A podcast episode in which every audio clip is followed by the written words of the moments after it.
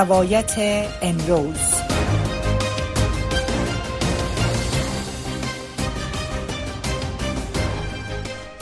سلام شنونده ها و بیننده های گرامی صدای امریکا من محمد احمدی هستم میزبان برنامه روایت امروز که از رادیو آشنا صدای امریکا نشر می شود و همزمان برای فیسبوک و وبسایت صدای امریکا هم پخش می شود در روایت امروز به موضوع بررسی های نشست دوم ملل متحد در دوحه در مورد افغانستان می‌پردازیم. این که به ویژه در مورد نگرانی های زنان افغان و همچنین نقض حقوق بشر و حقوق زنان در حاکمیت تحت طالبان نگرانی هایی که مطرح شده بود. در این نشست چگونه مطرح شد و چه دستاوردها و چه پیامدهایی را برای تغییر وضعیت زنان افغانستان به وجود خواهد آورد؟ در برنامه امروز با یک تن از فعالین حقوق زنان در ایالات متحده آمریکا صحبت می‌کنیم. خانم دکتر راهله کویر از فعالین حقوق زنان که در برنامه با ما هستن. خانم کویر سلام. روزتان بخیر. خوش آمدید به برنامه. سلام. با شما آقای احمدی و همچنان و تمام شنوندگان محترم. خانم کبیر انتونی گوترش منشی عمومی ملل متحد گفته که ممنوعیت ظالمانه ازش نام برده بر آموزش و کار دختران و زنان در افغانستان باید برداشته شود. البته یه اظهاراتش در زمانی بود که در دو روز گذشته در دوحه پایتخت قطر نشستی را میزبانی کرد و پیام مهمی را در شبکه اجتماعی نشر کرده و از روی کرده سختگیرانه طالبان در برابر زنان و دختران افغان نقد کرده.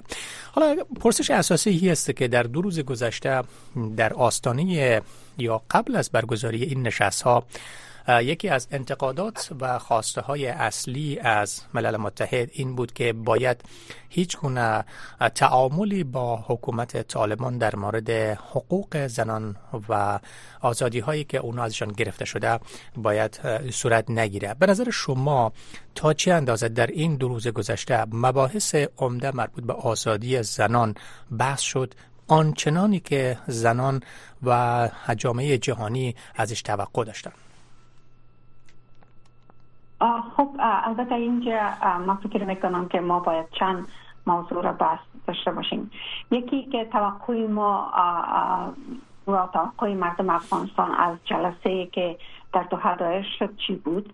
و دوم موضوع مشارکت فعال زنان چه در جلسات که توسط ملل متحد دایر میشه و در روند مذاکرات صلح و چه در آینده و در حکومت که در آینده در افغانستان دایر اول موضوع زنان است که زنان افغانستان در وضعیتی که امروز در افغانستان به سر می‌برند واقعا یک کاملا یک وضعیت وحشتناک که فعلا در هیچ جای دنیا ما نظیر از او تعریف نمی‌تونیم زنان از تمام حقوقشان نه تنها محروم شدن بلکه در چهار دیواری خانه زندانی هستند و به صورت بسیار چی بگویم وحشتناک اینا تحت شکنجه قرار می‌گیرن زنان زندانی میشن زنان مورد آزار و اذیت قرار می‌گیرن. این وضعیت را به هیچ عنوان نمی‌تونیم که ما از او وضعیت واقعی زنان افغانستان را بیان بکنیم یک وضعیت است که خارج از بیان ماست. او تنها کسایی که در اون وضعیت قرار دارن و اون شکنجه و آزار متحمل میشن. اونا تنها گفته می‌تونن اونا تنها می‌تونن بگویم که چگونه وضعیت است. این یک حقیقت است. یک حقیقت دیگه است که زنان افغانستان حالا زنان مبارز هستند که ما مبارزه زنان در داخل افغانستان متوجه شدیم که از مدت که طالبا محدودیت به زنان وضع کردن زنان تانستن با اشکال مختلف مبارزه خود دوام بدن و اما زیدیت خود با این وضعیت که طالبا بر زنان اعمال می‌کنن نشان بدن. چه از تظاهرات در بیرون و اعتراضات در بیرون و انواع و اشکال مختلف اعتراضاتی که ممکن است. با وجود که با تمام انواع اختناق سرکوبگری و شکنجه توسط طالبان مواجه هستند بازم زنان و مبارزات خود دوام دادن و همچنان زنانی که در بیرون افغانستان هستند و مبارزات حق طلبانه برای حقوق زنان در افغانستان چی دارن؟ ادامه دادن.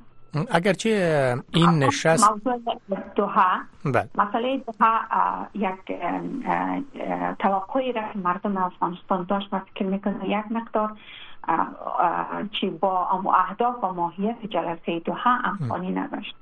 جلسه دوها به امتداد روان امو طرح ملل متحد برای افغانستان دایر شده بود که در این جلسه بیشتر بر اساس به خاطر مسئله مذاکرات و آغاز مذاکرات در افغانستان است که از شش نماینده که در این جلسه افغانستان شرکت کرده بود یا نمایندگی از مردم افغانستان شرکت کرده بود سه نفر از زنان بودن.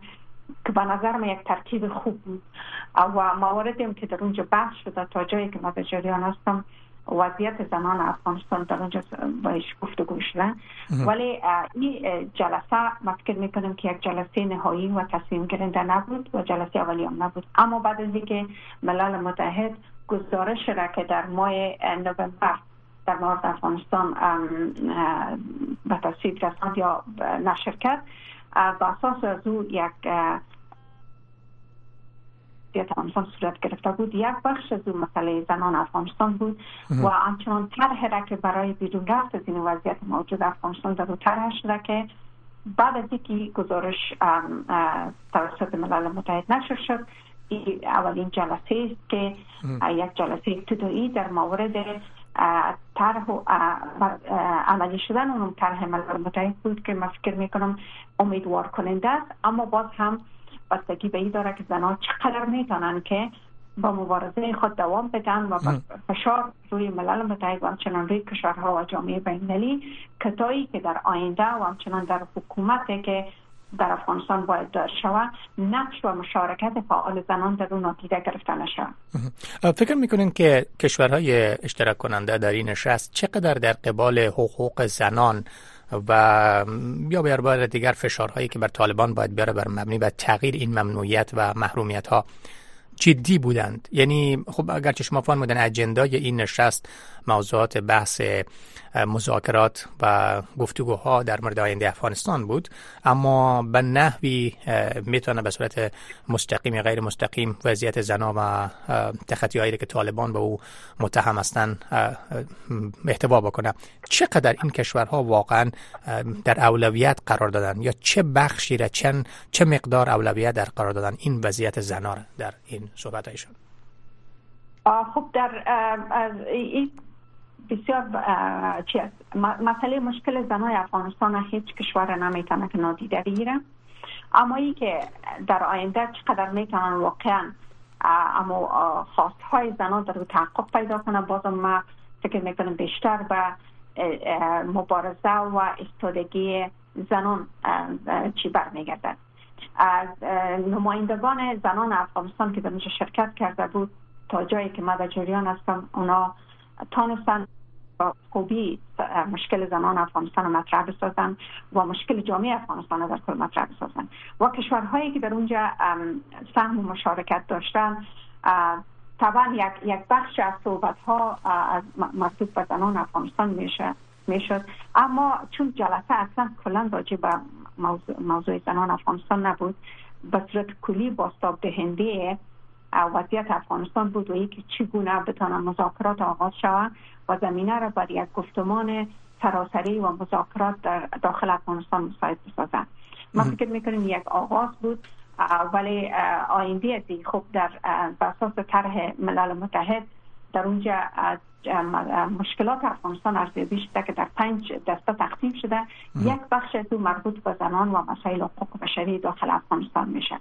یعنی یکی از موضوعات بسیار مهم و جدی است و باید که به نظر من این بیشتر مربوط خود زنان افغانستان میشه که باز هم مبارزه خود به صورت جدی و هدفمند باید پیش ببرن تا اینکه زنان بتونن در روندهای بعدی مذاکرات سهیم باشن و البته یک نگرانی جدی که ما دارمی است که امکان داره که بعضی کشورها حضور زنان برایشان زیاد جدی نباشه یا مشارکت زنان در آینده افغانستان برایشان جدی یعنی یک اجنده جدی نباشه. ولی زنان باید خودشان این موضوع رو پیگیری بکنن و ما از خوشحال و خرسند هستم که زنانی که در بیعیس نمایندگان جامعه بینالمللی یا نهادهای بینالمللی در مذاکرات هستن و شرکت می‌کنن و یا بیرون از مذاکرات هستن در روند به نحو دخیل هستن اونا از زنان افغانستان دفاع می‌کنن.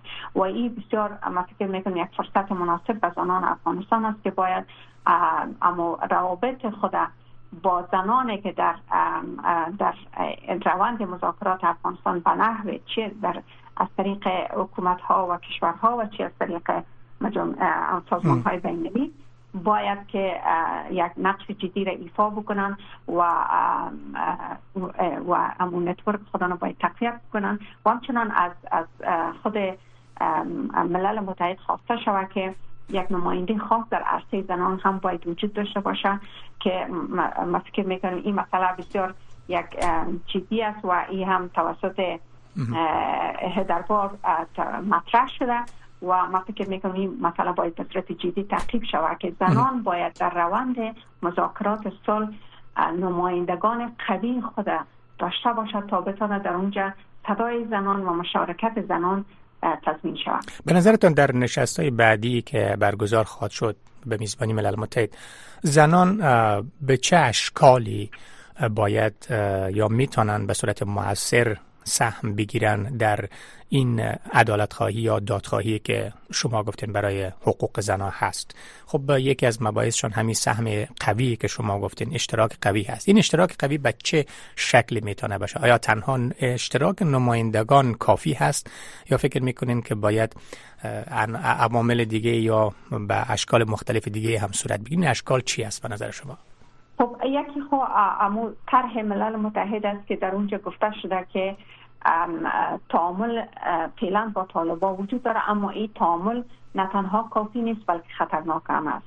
او یک مبحث بسیار مفصل است که من فکر می‌کنم زمانه که در مسئله افغانستان مبارزه می‌کنن. این مبحث باید به صورت جدی باید مطالعه بکنن. و یکی از شرایط بر رسمیت شناختن طالبا را هم این پیش از که حکومت فراگیر ایجاد شود اول پیشنهاد شده که باید امی حاکمیت موجود بر رسمیت شناخته شود. دلایلش هم در اونجا گفته شد منتها شرایطی که برای بر رسمیت شناخته است که تمام ممنوعیت هایی که نسبت به زنان وضع شده باید برداشته شد یعنی زنان کاملا برگردد به اون وضعیت قبلی. بتانن مکتب برن بتانن از کار بکنن و بدون هر نوع ممنوعیت زنان بتانن گشت گذار بتانن از تمام حقوق و مزایای برخوردار باشن.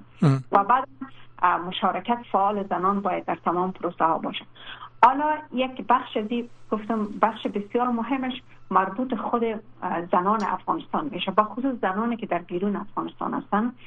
اما شبکه های خود و تماس خود و ارتباطات خود از طریق چی نامه ها مکاتبات و بیانیه ها و اعتراضات با ملل متحد و سازمان های بین باید حفظ کنند تا حال هم بسیار البته ای را و فکر می‌کنم یک network بسیار خوب و communication خوب وجود داره. اینمی تقویت شود و طرحهای بیشتر به ملل متحد فرستاده شود از جمله یکی از طرحها توسط دفتر ملل متحد برای زنان. در سایه امو استراتژی صلح و امنیت زنان است. که ای روی تو کار می‌کنن و زنان باید بتونن که نظریات خودانه پیشنهادات خود در با دفتر ملل متحد شریک بسازن. این نظریات و پیشنهادات در چارچوب یک استراتژی در ماه مارچ نهایی میشه که من فکر می‌کنم نقش بسیار مهم را برای آینده زنان افغانستان داره بنان زنان افغانستان همو communication و network را که دارن این رو بیشتر تقویت بسازن. نظریات و پیشنهادات خودن و نهادهای بین‌المللی بفرستن و ملل متحد بفرستن روان بکنن و اما دفتر ملل متحد برای زنان بفرستن و بیشتر خودشان از قطعنامه های ملل متحد و کنوانسیون های ملل متحد در مورد زنان آگاهی پیدا بکنن و سر اونمو پاکشاری بکنن. و همچنان امی طرح ملل متحد که نوشته شده. این میره ما فکر می‌کنم که بسیار ضرور است که زنان باید بخوانند و نظریات نوشته بکنن چه کمبودی ها و کاستی های نسبت به حضور و مشارکت زنان در اونجا وجود داره یا مسائل وجود داره که مشارکت زنان در اونجا ضعیف می‌سازه اونا باید نظر خود بدن و به عنوان یک خلا در اون باید باستاب داده شوند. و در این حال موارد و موضوعاتی که با مشارکت زنان تاکید می‌کنه او را باید بیشتر درک شود و تقویت شود. و چگونگی برای چگونگی اونمو مشارکت باید طرحهای بیشتر باید توسط خود زنان مطرح شود. کشورهای منطقه هم دکتر سب موارد است که می‌تونن مشارکت زنان از این طریق به صورت عملی در اونجا زمانت شود بله کشورهای منطقه هم کشورهای منطقه هم بعضیاشان بسیار نقش و تعامل نزدیکی را با طالبا دارن در این مدت.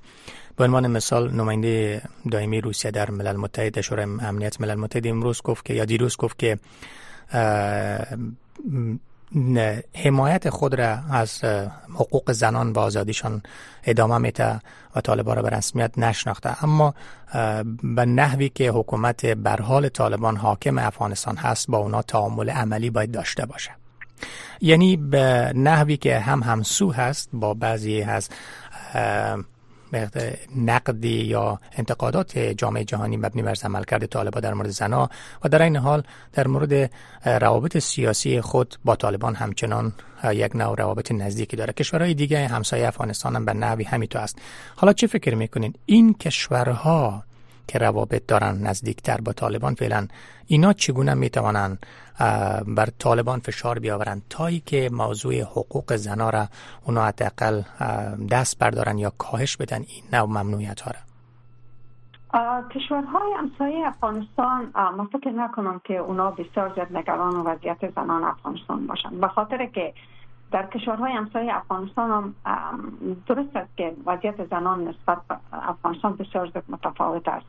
ولی برای حکومت های اونا فکر نکنم که بسیار یک نگرانی جدی باشه وضعیت زنان افغانستان. بساط امو ارزیابی ملل متحد و گزارشی که در چیکره به نشر رسنده مشکلات افغانستان در پنج کتگوری تقسیم شده. که یکی از وضعیت حقوق بشری و وضعیت زنان افغانستان است. دیگه مسئله مبارزه با تروریسم مواد مخدر و امنیت منطقه موضوعات اقتصادی و بشردوستانه داخل افغانستان است و حکومت فراگیر و همشمول است. دغدغه عمده که بر کشورهای همسایه افغانستان وجود داره مسئله مبارزه با مواد مخدر و مبارزه با تروریسم و نبود یک حکومت قانونمند در افغانستان است که بر امنیت و ثبات منطقه تاثیر تاثیر مندازه و همچنان با خود نه تنها مسئله امنیت اجتماعی و فیزیکی بلکه مسئله توسعه اقتصادی هم ماندار که تاثیر گذار است. بنان اونا نگرانیشون بیشتر از این بابت است نه بنان اونا کوشش می‌کنن که یک حکومت در افغانستان وجود داشته باشه که حکومت توسط جامعه بینالمللی به رسمیت شناخته شود و بتانه که اونا به صورت آزادانه در امر چی بگویم بازاریابی و تجارت خود در افغانستان بدون کدام تشویش و مشکل اونا اما تجارت خود در افغانستان دوام بدن. و همچنانی که از از مسائل مشکلات امنیتی در افغانستان است اونا از اما تاثیرات سوی از بر ثبات منطقه جلوگیری کنند. بنان ما فکر نکنم که اونا بسیار دغدغه کلان در مورد زنان افغانستان داشته باشند. آنچه که مهم است باز ما تاکید می‌کنم که زنای افغانستان است باید رای مبارزه را و میدان مبارزه را ترک نکنند. و اولی فکر می‌کنم برای کشورهای دیگر جهان مثل بر کشورهای غربی برای خود ملل متحد برای اتحادیه اروپا برای کشورهایی که بیشتر مدافع حقوق زنان و مسائلی هم بنابراین می‌تونن شارکت خود یک راه را باز بکنن. و قبل از همه مبارزه خود زنان استادگی خود زنان خیلی مهم است. کو هم برای کشورها مهم است که نادیده نگیرن ولی خب برای کشورهای منطقه من فکر می‌کنم که بیشتر می‌تونه که از طریق بعض سازمان های زنانه که در کشورها فعال است. ولی بازم ما فکر نکنم که بر از اونا یک رای بسیار موثر باشه. و و بازم ما تاکید می‌کنم که برای کشورهای منطقه مشکل زنان افغانستان یک مشکل جدی بله. فکر می‌کنین که زنان افغان تا به حال به چه شکل عمل کردند؟ آیا عمل خب در نتیجه این فعالیت ها اعتراضاتشان نشان داده که واقعا یکی از پیشگامان معترضین علیه تخطی های اتا شده اتهام وارد شده بر طالبا هست. اما فکر می‌کنین که تا چی اندازه این حرکت زنان حرکت دادخواهانشان موثر بوده؟ در چه قسمت های کمبود های وجود داره که باید اینها می‌تونستن بهتر عمل بکنن. خب اول خب وقتی در می‌خوایم که تقدیر کنم تمام زنان افغانستان. این مبارزه و استادگی زنان افغانستان بود که تانست از تعامل جامعه بینالمللی و جهان با افغانستان با حاکمیت طالبان جلوگیری شد. در غیر شد که حاکمیت طالبان سال گذشته رسمیت شناخته می شد و و در حالی که زنان کاملا توسط از سرکوب می شدن می دانست که تعاملشان با جهان بدون دقدقه پیش برن واقعا مبارزه زنان افغانستان قابل تقدیر و از و یک مبارزه بسیار شایسته بود و است با تمام مشکلاتی که زنان افغانستان دارند در برابر همه مظالم استادند ولی خب در پولی از ما باید ها را باید بشناسیم و این یادآوری از این ها با این معناست که ما بتانیم خلاهایی که وجود داره این را برطرف بسازیم تا جنبش زنان قویتر عمل بکنن. یکی از مشکلاتی که ما فکر می‌کنم هنوز وجود داره است که زنان افغانستان نتونستن یک مبارزه هدفمند فراگیر برای خود تعریف بکنن که اونجا هر نوع دیوار یا مرز اجتماعی مثل قومیت مذهب و یا گرایشات سیاسی در اونجا وجود نداشته باشند البته تا حد تانست زنای افغانستان که یک مقدار بر این مسائل فایق بیاین اما هنوز هم با تقویت اینمی افکار و اندیشه بدون مرز در جنبش زنان افغانستان ما نیاز داریم. که زنان افغانستان بتانن مرزهای قومی و قبیلوی و منطقوی و طایفوی و مذهبی و هر نوع مرز را که میان زنان تفرقه بندازه این مرزها را باید دور کنن این مرزها را باید بشکنانن این موانع را باید برطرف بسازن و فقط برای تامین حقوق انسانی زنان و مردم افغانستان باید تاکید بکنن و روی از او یک امانگی و انسجام بیشتر رو با وجود بیارن افغان چیزی که باید زنان بیشتر ریزی کار کنن افغانستان حالا گفته میشه که جامعه مرد سالار هست. در این میان در بیشتر از دو دهه گذشته زنان واقعا به دستاوردهای شگرفی دست یافتند که تأثیر گذاریشان بر روند اقتصاد گرفته تا بر بحث اشتراکشان در سیاست. قانونگذاری و در مسائل اجرایی و اجتماعی همه چشمگیر بوده. در این میان فکر می‌کنین در این جامعه مرد سالار نقش مردان در حمایت از زنان در شرایطی که اینها از آزادی های تازه به دست محروم شدند چی بوده؟ آیا کافی بوده بسنده بوده یا مستلزم عزیزی که حمایت های بیشتری از سوی مردان باید تا به حال صورت می گرفت خب تا حد طبعا که امکاری و زنان چی مردان تا حد در خانواده وجود داشته که زنان تانستن این موانع را بشکنانن. و ولی احترام نیست که کامل طبعا که یک بخش عمرش مبارزه خود زنان بوده و که مقاومت کردن در برابر اما سنت های رایج در جامعه. ولی طبعا یک مقدار همکاری بوده و امیدوار هستیم که اما دید دیدگاه و طرز فکر و اندیشه مردان افغانستان هم روز به روز تغییر بکنه و بتانن در آینده چی حال و چی در آینده زنان تقویت بکنن برای رشد توسعه و همچنان برای مبارزهشان. و ما فکر می‌کنم که یک نقش بسیار مهم داره. و البته که در یک جامعه سنتی بود و یک جامعه سنتی انوز هست. در جامعه سنتی اما دیدگاه های رایش در جامعه یک دیدگاه زن ستیزانه بوده که همگی او را قبول کردن پذیرفتن سالها و در در طول قرون متمادی اما اندیشه ها در جامعه افغانستان متاسفانه حاکم بوده و با یک اندیشه پذیرفته شده در, در بین جامعه تبدیل شده که همه قبول کردن که باید این وضعیت باشه.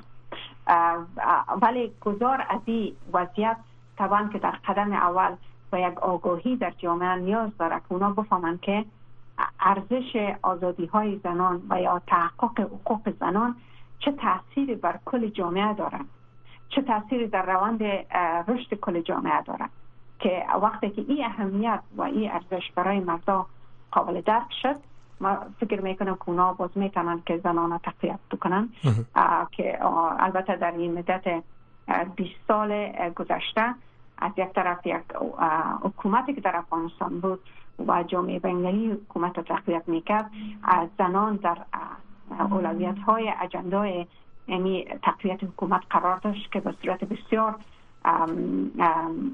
به صورت بسیار جدی زنان از لحاظ حقوقی و قانونی و حکومت برای رشد و توسعه اونا حمایت شدن. میشه خب در کنار جامعه افغانستان هم به خاطر مهاجرت هایی که داشت و تغییرات و رشد کلی که در جهان به وجود آمد به خصوص در عرصه تکنولوژی مندر باعث شد که ذهنیت و ذهنیت جامعه افغانستان هم متفاوت تر شد و اونا هم بتونن زنان چی کنن حمایت کنن.